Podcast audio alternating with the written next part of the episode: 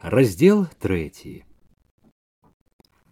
башлыкоў выехаў з юравіч зацемна з такім разлікам каб дабрацца да алешнікаў у самым белым ранку калі яго вазок узняўся на гару уся шырокая раўніна што разлягалася перад ім была шэрая непраніклівая ішла ад гэтай шэрані у душу неадольная панылая сумотнасць І толькі ветер што налятаў тут на абдзьмутай вышыні як бы абяцаў штосьці абнадзейлівае каля вадавіч як ён і спадзяваўся стала прыкметна развідняцца у гэтай парадзілай каламуці што ўсё расступалася вазок башлыкова шухнуў цераз масток над тур'ёй паплыў па шляху паўз глінішчы са шляху башлыкоў мімаволі неспакойна і востра і зірнуў туды дзе павінна была быць глінішанская школа а разам з нядобрым што засталося ад сходу як ад павеву ветру зацеплілася ў душы зноў згадка пра нераспазнаную жанчыну. Спадзяваўся ўбачыць агеншчык з вокан але яго не было можа закрывала поле. Толькі развіднела калі ён выйшаў з васка каля сельсавета у сельсавеце быў адзін дзяжурны ён відаць драмаў перад гэтым і калі башлыкоў моцна тупаючы ботамі абабіваючы снег ступіў у пакой сустрэў яго нібы вінавата глядзеў з незразумелай насцярожанасцю башлыкоў знарок весела патупаў па пакоі паціраючы руки паказваючы што памерз трохі ў дарозе трэба сагрэцца весела запытаў пра навіны на людях башлыкоў заўсёды меў звычку трымацца весела і бадзёра дядька аднак трапіўся негаваркі на пытанне башлыкова адно няветліва аб'явіў што гайліс у хвойным па калектывізацыі а сакратар пакуль не прыйшоў ён павесялеў толькі тады калі башлыкоў загадаў яму паклікаць дубадзела пажвавелы ўраз усцягнуў на калматую галаву барановую кучомку і мякка ступаючы валёнкамі выбег на ганак башлыкоў зноў захадзіў па пакоі раз пораз кідаючы позіркі ў акно на вуліцу ён чакаў дубадзела з неспакоем было б прыкра калі б дубадзела дома не аказалася дубадзел яму быў вельмі патрэбны яшчэ учора думаючы пра гэту паездку башлыкоў згадваў дубадзела Таму ён рашыў, што дубадзел будзе ў гэтай паездцы пры ім. Башлыкоў хацеў прыгледзецца лепш да яго, прымерыцца, чаго ён варты. З дубадзелам у башлыкова былі важныя надзеі, надзеі гэтыя трэба было праверыць. Дубадзел быў дома, башлыкоў убачыў яго калі ён паявіўся перад акном ішоў хутка імкліва так што крылы яго зашпіленага на адзін кручок шыняля разляталіся ў бакі. Разляталіся ў бакі вушы будзёнаўкі што трымалася на макаўцы. Ногі ў разношаных ботах ступалі цвёрда а на касцістым твары была рашучасць. Чалавек як бы спяшаўся на выручку і гатоў быў на ўсё. Ён імкліва пратупаў па ганку, ступіў у пакой, голасна прывітаўся зычліва і разам з павагай назваўшы таварыш сакратар, руку, якую падаў башлыкоў, паціснуў моцна, як бы пацвярджаючы, што ў ім усё надзейна. Башлыкоў зацягнуўся, зірнуў спасцярожліва, трэба ў курані. У тым як прамовіў была значнасць. Значнасць была і ў позірку. Дубадзел кіўнуў моўчкі і таксама значна ясна. Твар дзелавіта засяродзіўся шмаргануў прастуджаным носам. Зараз? А чаго ж? Башлыкоў па-таварыску дадаў: Адклад кажуць, не ўлад. Аге, шмаргануў носам дубадзел, адкладывать няма куды. Вот именно, так что збірайцеся хутка. Дубадзел ускінуўся, як па камандзе, адазваўся ў момант. А чаго тут сабіраць? Руки хутка рашуча ўхапілі другі кручок, нашынялі, зашпілілі, нацягнулі глыбей будзёнаўку. От толькі перакусім, дадаў дзелавіта. Паснедаем толькі. Вы не снедалі, спыніў яго башлыкоў. Да я уже, конечно, я про вас. Жонка там у мент. Башлыкоў улавіў, што ў голасе яго тут не было цвёрдасці, не надта дабіваўся. Відаць, і не вельмі верыў у снеданне сваё. Башлыкоў супакоіў: « Я паснедаў ужо. Ну, тады хоць зараз заедце дадому і паведаміце распарадзіўся башлыкоў каб не турбаваліся дні на два скажыце дубадзел рынуўся да дзвярэй вазок хутка адкінуў назад рэшту алешніцкай вуліцы павярнуў за вугал яе рушыў да грэблі да зараснікаў Вымерзлая наезджаная грэбля ў момант дамчала да цагельні і вось зачарнелі наперадзе ранішнія дамы над куранёўскімі стрэхамі. У башлыкове і дымы гэтыя і стрэхі нахмураныя панурыя хоць падбеленыя снегам адазваліся неспакоем падыходзіла ў сутыч уздымалася каменнай сцяной непадатнае чужое што належала зрушыць і што не хацела зрушвацца. Башлыкоў загадаў кіраваць да хаты міканора. Калі ехалі вуліцаю, чуў сябе пад маўклівым наглядам з двух бакоў. Пільна лавіў насцярожаную чарнату вокон стракатасць двароў, І вокны і двары былі амаль усе пустыя, вёска жыла, здавалася, бесклапотна, але ён добра ведаў што спакой гэты зманлівы заўважыў як выйшаў з хаты застыў на ганку дзядзька пільным вокам праводзіў пакуль не схаваліся за рогам хаты. Двое жанок унізаліся позіркамі. Ад калодзежа адна ж перастала цягнуць вочап ад неспакою ад адчування ўвагі падабраўся сеў раўней паставаю ўсё і выказваў рашучасць смеласць бачыў дубадзел пажвавеў выцягнуў шыю нецярпліва і весела цікаваў за хатамі за дварамі здавалася трымаўся так нібы адчуваў блізкую бойку і радаваўся ёй і рваўся да яе гэтая вясёлая задзірлівасць была даспадобы башлыкову Перад двума радамі насцярожаных хат башлыкову добра было чуць і такую смелую упэўненасць чуць побач чалавека, які ў любы момант гатоў быў памагчы. Ля хаты меканора глушака дубадзел першы саскочыў з васка, рашуча пакрочыў да варот. Ужо ля варот ён схамянуўся, як бы стрымаў сябе, пачакаў башлыкова, прапусціў яго наперад. Ледь ступілі на двор, на ганку появіўся міканор глушак. Быў апрануты у нефарбаваны заношаны кажух з зайчай шапкай у руцэ. Падобна было, збіраўся кудысьці ісці, апрануўся за хвіліну перад гэтым.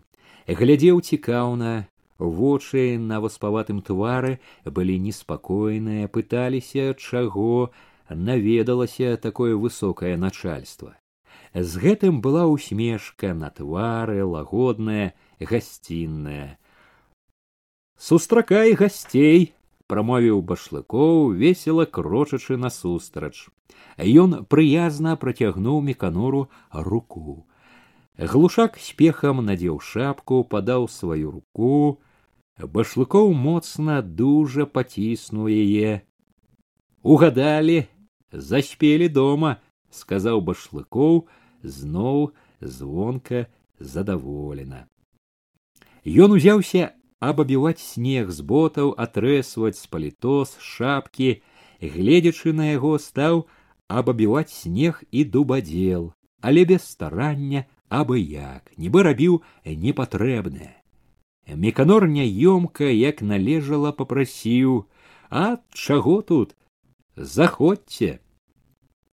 У хаце было двое старых. Мужчына седзячы на палацях абуваў лапці накручваў анучы а старая замятала пры печы гліняную падлогу замятала хапаючыся башлыкоў тым жа звонкім голасам даў ім добры дзень працягнуў ружовую з марозу руку да старой тая хапаючыся выцерла сваю аб прыпол як бы ўрачыста лапатачкай падала яму рука яе была цёмная і касцістая башлыкоў паціснуў яе асцярожна з пашанай стары завязаўшы абору таксама ўстаў насустрач башлыкову на дужы поціск рукі сакратара адказаў ветліва ахвоча дубадзел растлумачыў што гэта бацька і маці меканора дамецікі дамеціха цётка аўдоцце угадалі заспелі дома зноў сказаў башлыкоў ужо да старых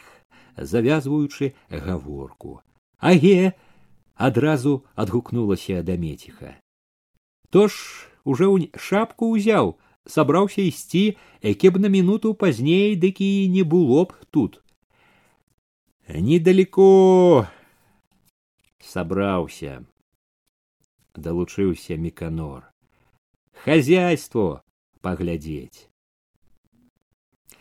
ён усё з цікаўнасцю чакаў адгадкі чаго завітаў башлыкоў такая ж цікаўнасць і толькі больш адкрытая была відаць і ў старой але над усім быў звычай неадменны закон гасціннасці да чалавека што ступіў у хату меканор запрасіў башлыкова распрануцца і старая зухвалай падтрымала сына башлыкоў ведаў закон разумеў, што трэба было гасцінным гаспадаром паказаць сябе прыязным госцем, распрануцца, сесці да стала, Але не цярпелася, дораг быў час. Адно сеў да стала, расшпіліў верхні кручок паліто.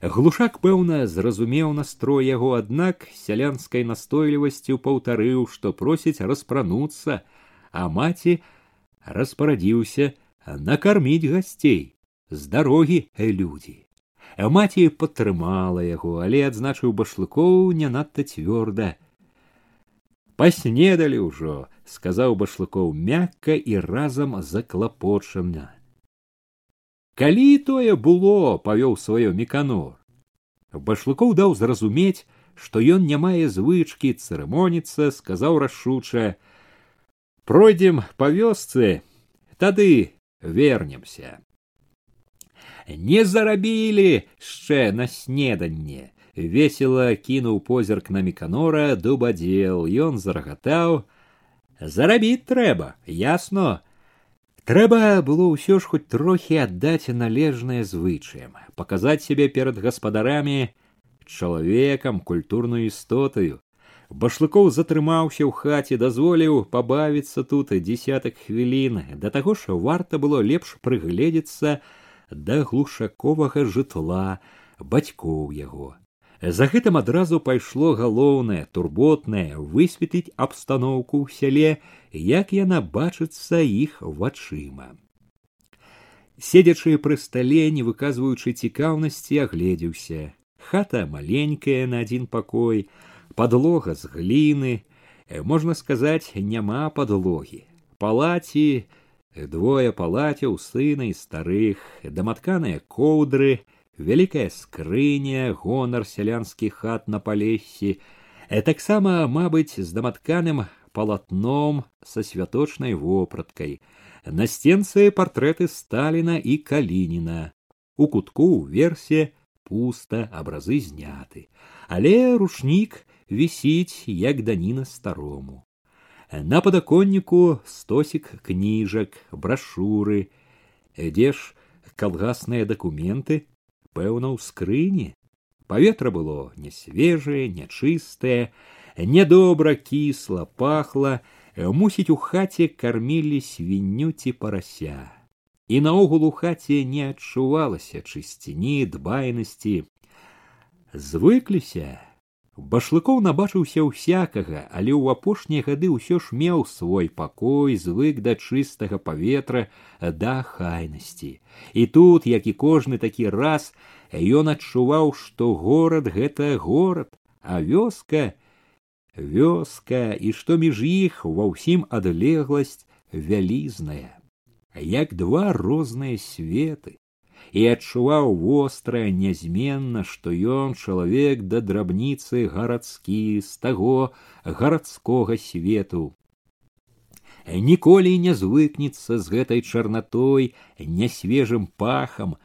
Трываць зможа, а звыкнуцца не звыкнецца. Увайшоў з пугаю возчык, на запрашэнне да меціхі распрануўся, сеў каля дубадзела.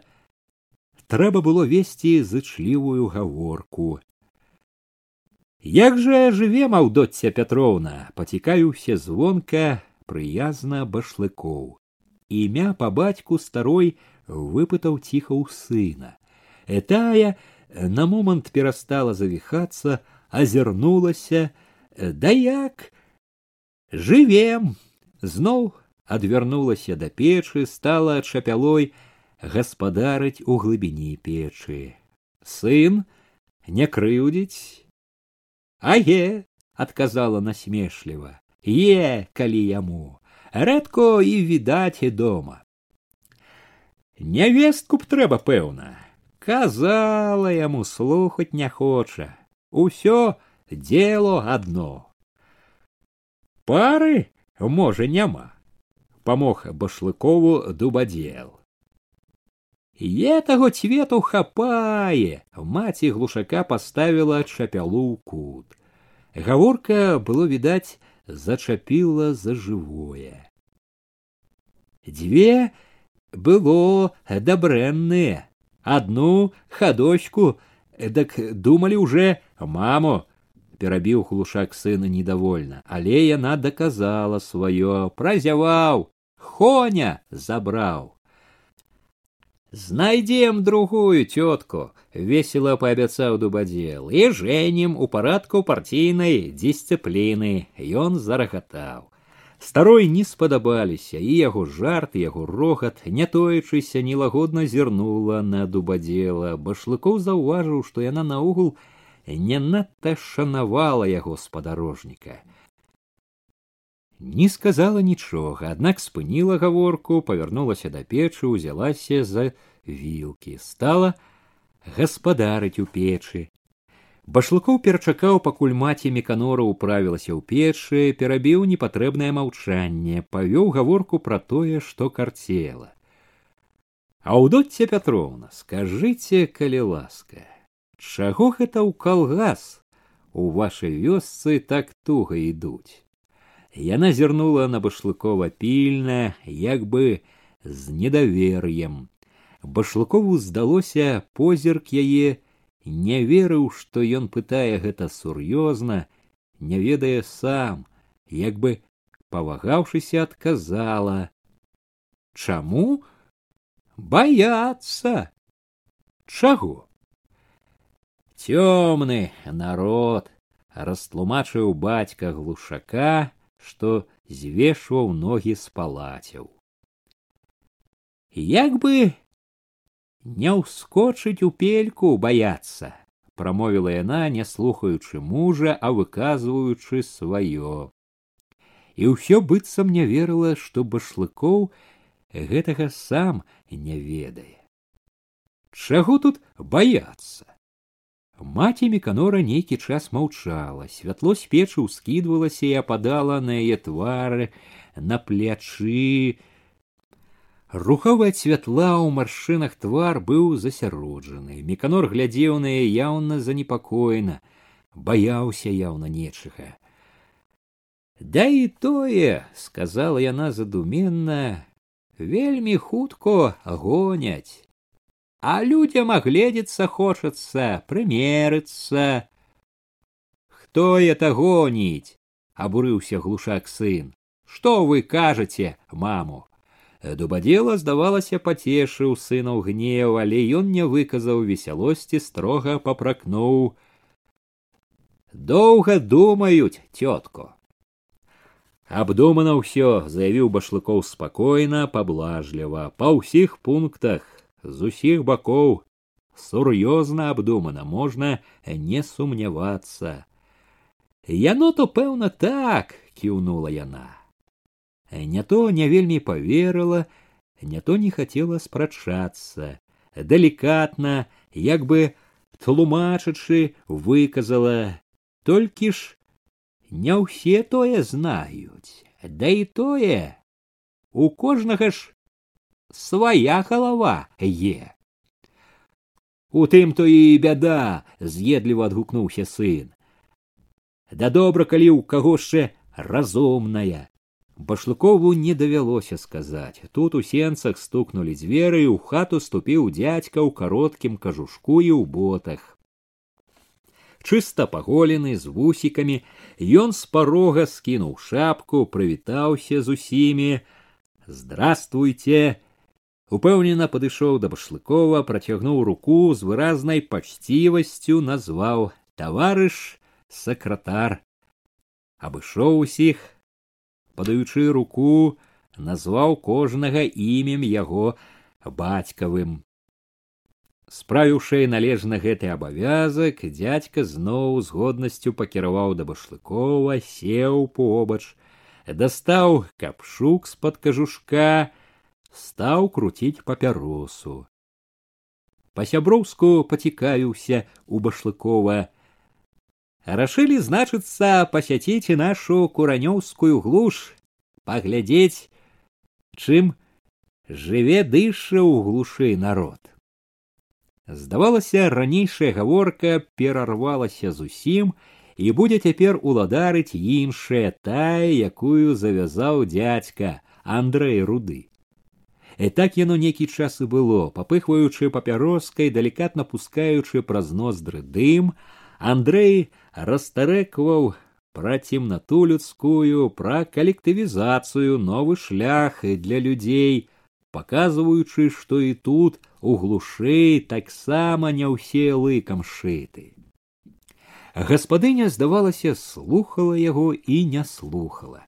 То корпалася пры печы, то неспакойна думала, было відаць, вярэдзяць старую нейкія турботы, не даюць спакою, недовольно поглядывала на рудога трэба ж прынесла не ў час балбатуна пустога ды ето адважылася нарэшце нагадала пра перарваную размову гаворкі тут усякія пра раскулачанне башлыкоў адвярнуўся ад рудога уважліва зірнуў на яе баяцца етаго не наравіцца ето горача выказала яна каму не наравіцца адразу напаў глушак сын людям не наравіцца сказала а то не не баяцца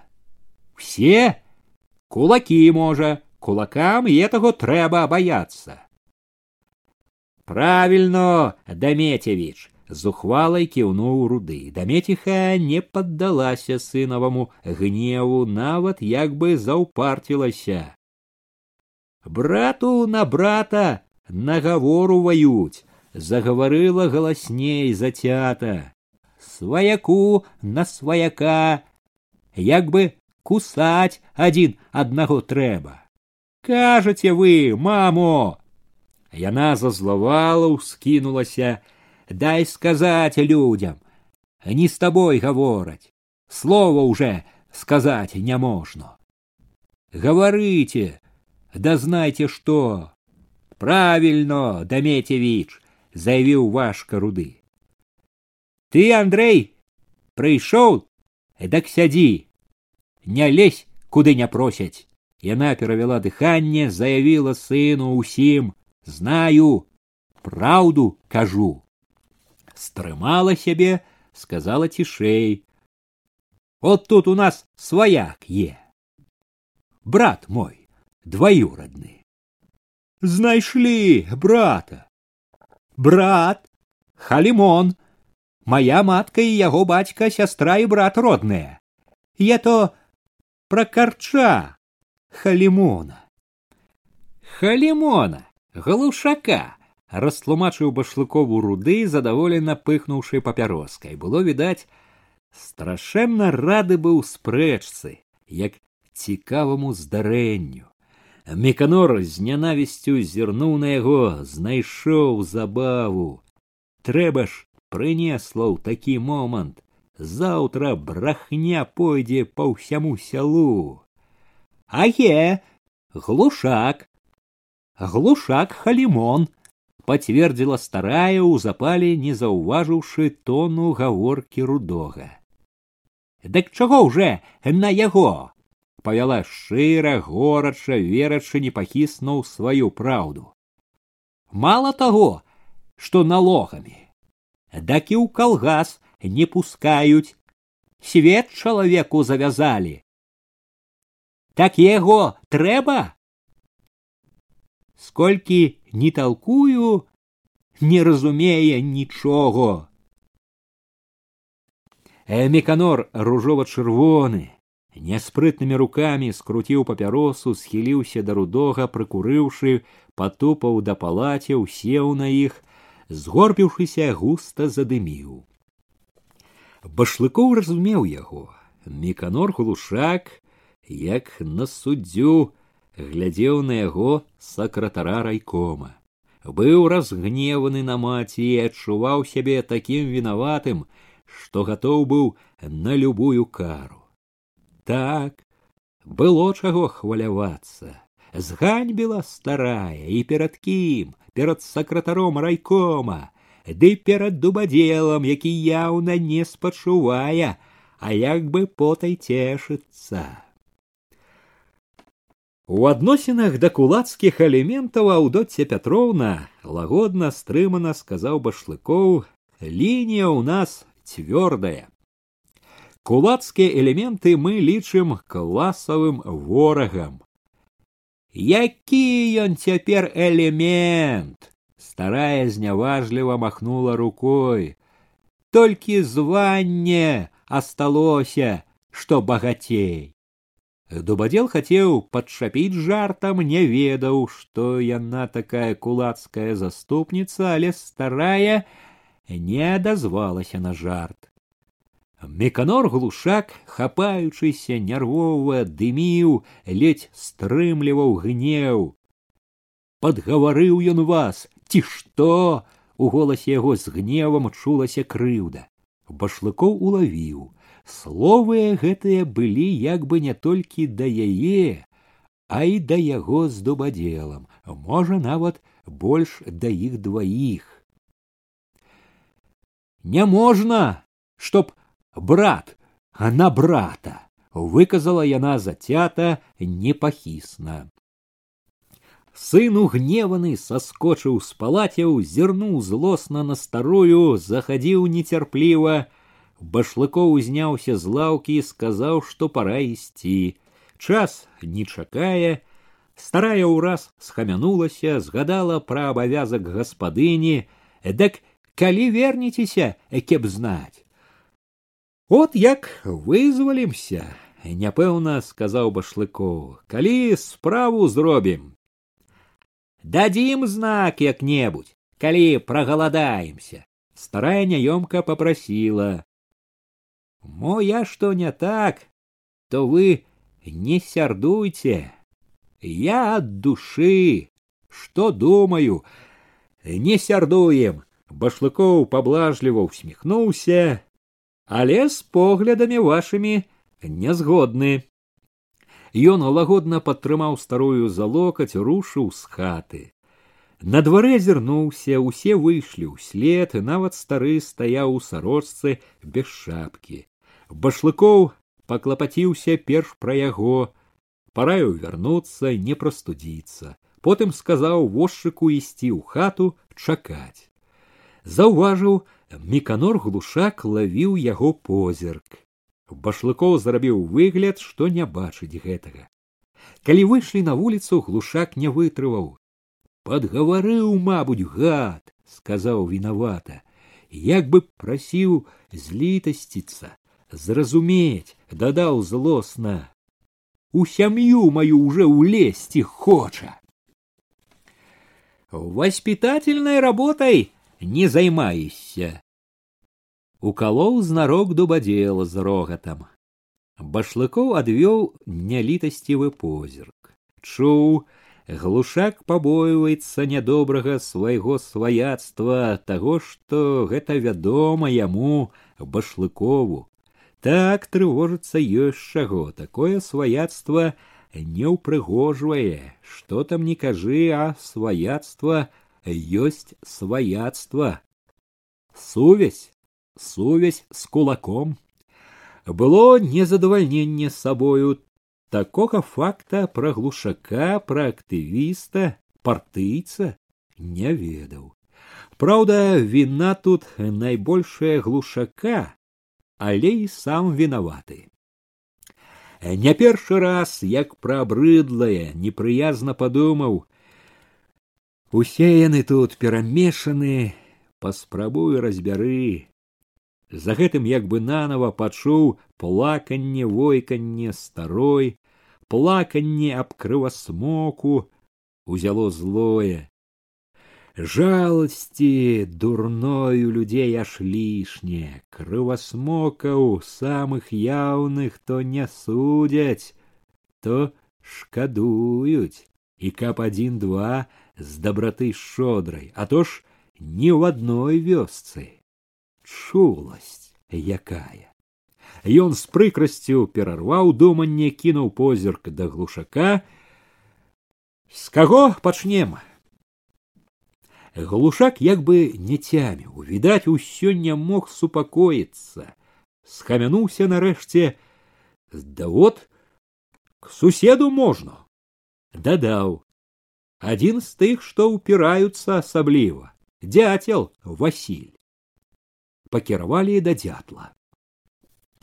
Адразу як ступілі на двор, ля новага зруба трапілася пажылая жанчына, ішла з хлява з пустым драўляным вядром.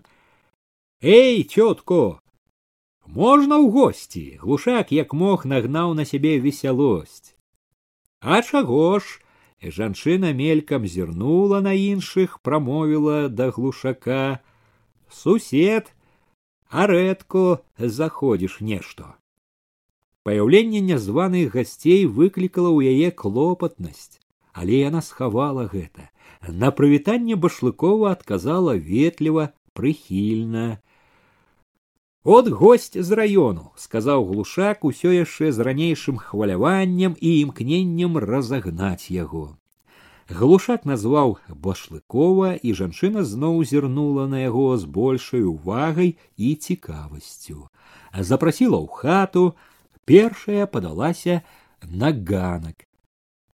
У хаце каля палацяў была яшчэ жанчына, паўнацелая, маладзейшая, з дзіцем на руках, Перад ёю паволі вяло калыску, што звешвалася са столі, відаць, дзіця ўзяла з калыскі, полах на пошапках калыскі быў адхінуты.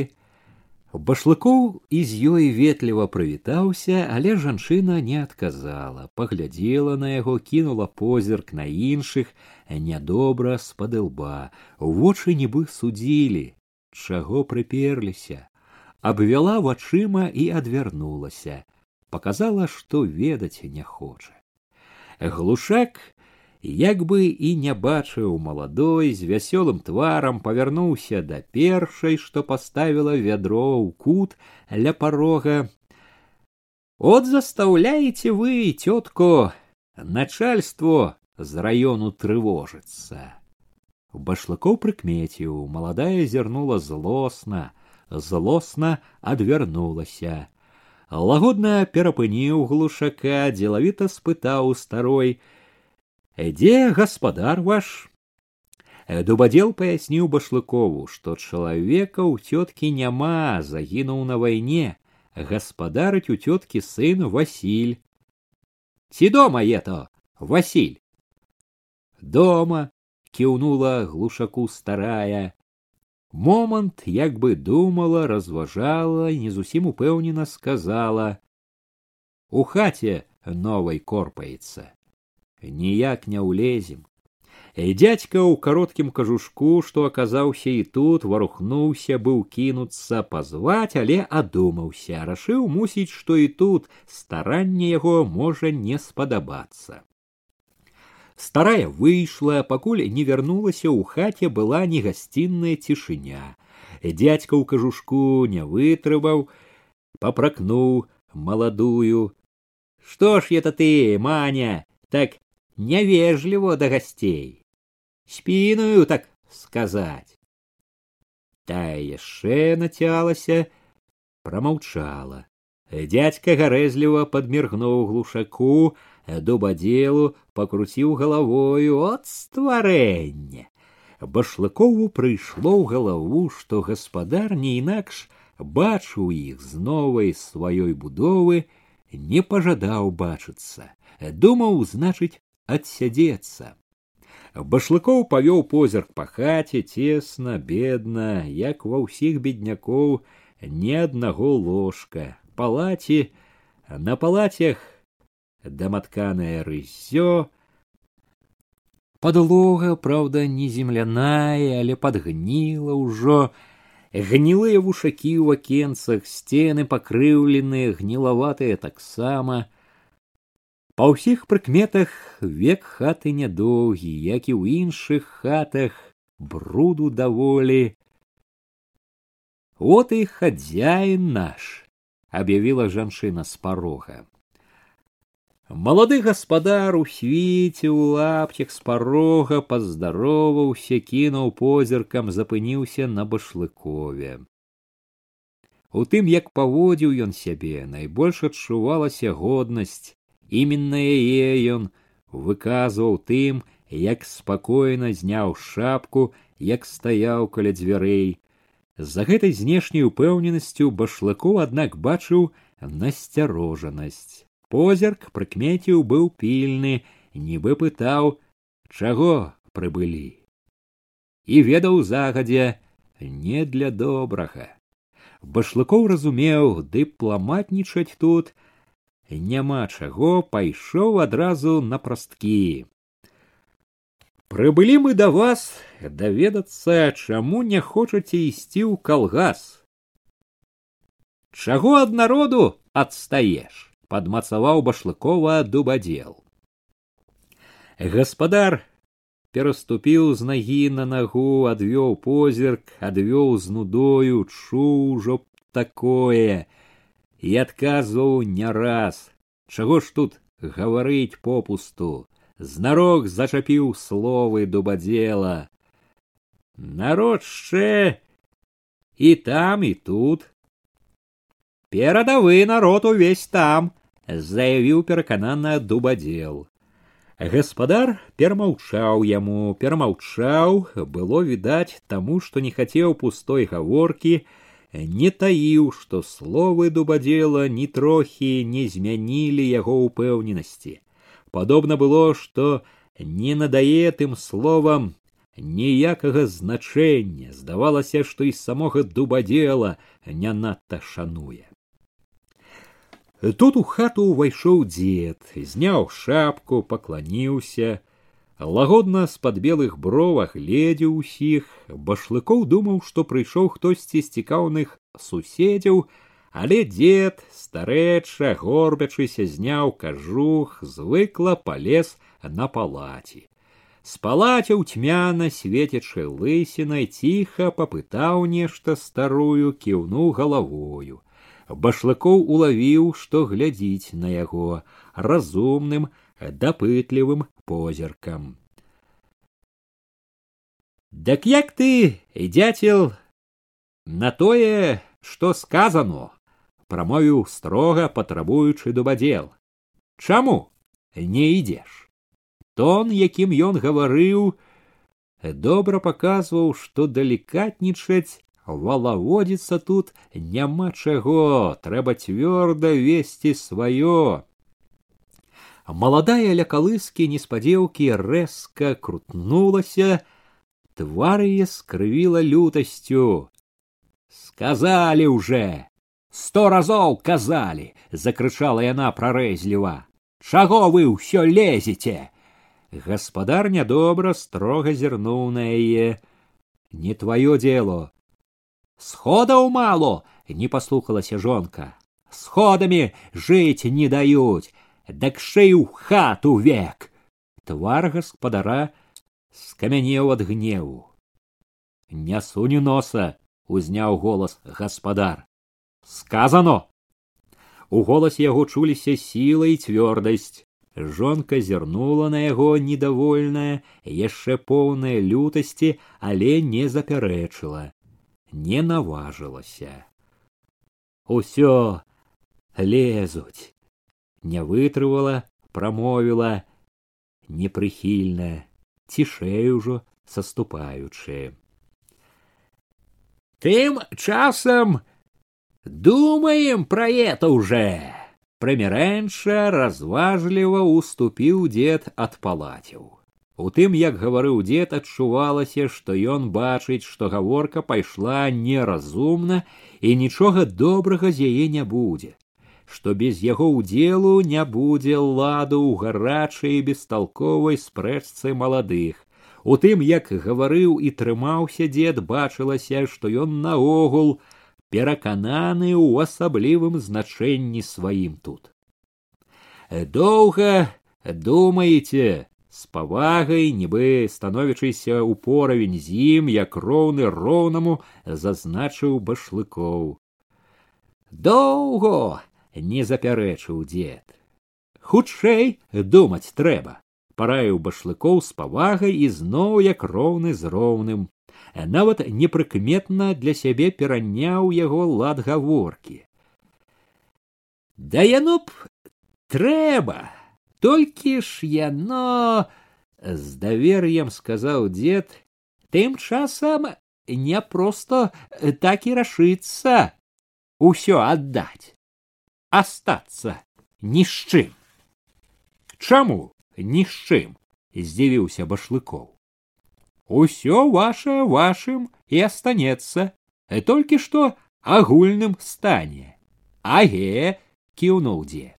Башлыкоў у гэтым аге пачуліся цікаўнасць, разуменне, і ён стаў цярпліва па-прыяцельску тлумачыць выгады агульнага гаспадарання Дзед башлыкоў ведаў ужо як яго завуць казаў да яго пачціва дзяніс ігнатавіч слухаў уважліва ківаў згодна ухваляў падобна але абяцаў толькі адно трэба падумаць. Пільны башлыкоў хутка зразумеў што лагодны дзед не інакш хітруе адводзіць гаворку ў спакойны кірунак змазаць хоча пытанне думаць цяпер ужо мала сказаў башлыкоў цвёрда дзейнічаць рашаць трэба неадкладна Ён адвярнуўся ад дзеда, паказваючы, што ў яго не лішні часу, што чакае рашучых дзеянняў, патрабавальна зірнуў на маладога гаспадара. А што гаспадар думае? Ён не таіў іроніі знарок з націскам сказаў думае малады адразу як адчуў увагу да сябе нацяўся зноў пастражэў позіркам выпрастаўся нібы падрыхтаваўся да бойкі. А я пабачыць хочу што з гэтага ўсяго яшчэ будзе заявіў без хітрыкаў як бы з выклікам. Значыць вы яшчэ сумняваецеся што гэта сур'ёзна пабачыць хочу спрачацца даводзіць адчуваў башлыкоў было бескарысна і ўсё ж ледзь стрымліваючыся паказаў як гэта грунтоўна абдумана і праверана абдумана партыяй лепшымі галовамі праверана мільёнамі людзей Не першы раз не першаму гаварыў гэта і не першы раз бачыў што не даходзяць яго такія ясныя пераканаўчыя доказы як і многія іншыя нібы не разумеў дарослы сталы чалавек надзейныя важкія факты. На шчырае слова башлыкова ў адказ была тупая глухата. Бачыў позірк у гаспадара упарты тупаваты разумеў марна даводзіць такому не дойдзе да такога. Башлыкова дурная глухата гэта паліла. Трываць не мог ён гэту няздатнасць разумець такі просты сэнс. Гэту дзікую упартасць каб трохі яшчэ сарваўся б нагаварыў бы нястрымных гнеўных слоў але не хацеў паступацца годнасцю даць ім адчуць перавагу іх стрымаў сябе. Павёў позіркам па хаце нібы нанова ўбачыў беднасць убоства яе гэтага іх раю які яны так аберагаюць. Варухнулася цяжка няцямна. Чаго яны так чапляюцца за гэта? Не мог уразумець гэтага падумаў ужо без горачы апанавала раптам душу стома надакучыла без меры надакучыла здзіўляцца глупству гаварыць адно і тое ж глухім у цішыні што настала ў хаце чулася варожасць мы не проціў не думайце азвалася зачліва і вінавата ад прыпечка старая яна глядела башлыкоў у вочы з трывогай надзеяй як бы прасіла яго злітасціцца толькі ж праўда асмеліцца трудно а яна верыла што ён такі дасведчаны адукаваны зразумее іх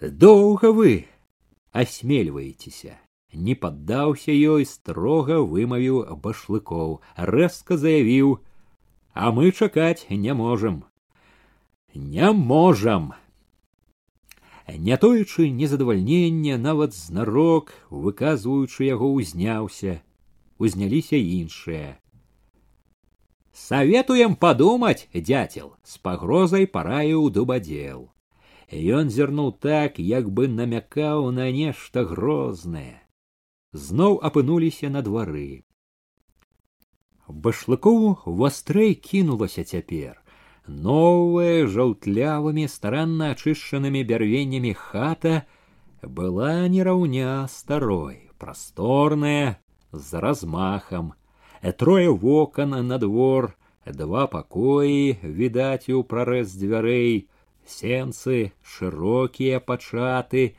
гэта ўжо іншая не бядняцкая хата выясніць трэба адкуль лесу набраў зазначыў дубадзел перахапіўшы позірк башлыкова намякнуў сколькі аплачано калі выйшлі на вуліцу глушак вінавата паведаміў башлыкову это жонка яго кулацкага роду дадаў з роздумам і сам ён не сакрэт с кулацким нутром. Хоть ты цвёрдая, давай. Дубадзел як бы чакаў гэтага, падхапіў адразу ўпэўнена, а можна і даць. Пашлыкоў прамаўчаў, але не запярэчыў.